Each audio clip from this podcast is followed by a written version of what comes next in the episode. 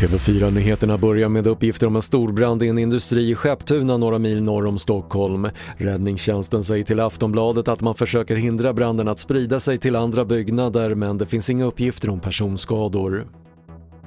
Antalet dödsskjutningar har hittills i år halverats. Förklaringen tros bland annat ligga i polisens framgång att komma åt kriminella genom krypteringstjänsten Encrochat rapporterar DN och fem av sju regioner har än så länge i år inte sett ett enda mord kopplat till skjutvapen. Idag fortsätter utredningen i hör efter att 18-åriga Elin hittades död igår. Hon misstänks ha mördats av en 25-årig bekant man som har anhållits men något motiv är ännu inte känt och inte heller vilken typ av bevisning som finns mot den anhållne mannen. Och president Emmanuel Macron meddelade igår att Frankrike stänger ner i en månad från och med lördag och skolorna stängs i tre veckor från och med nästa vecka.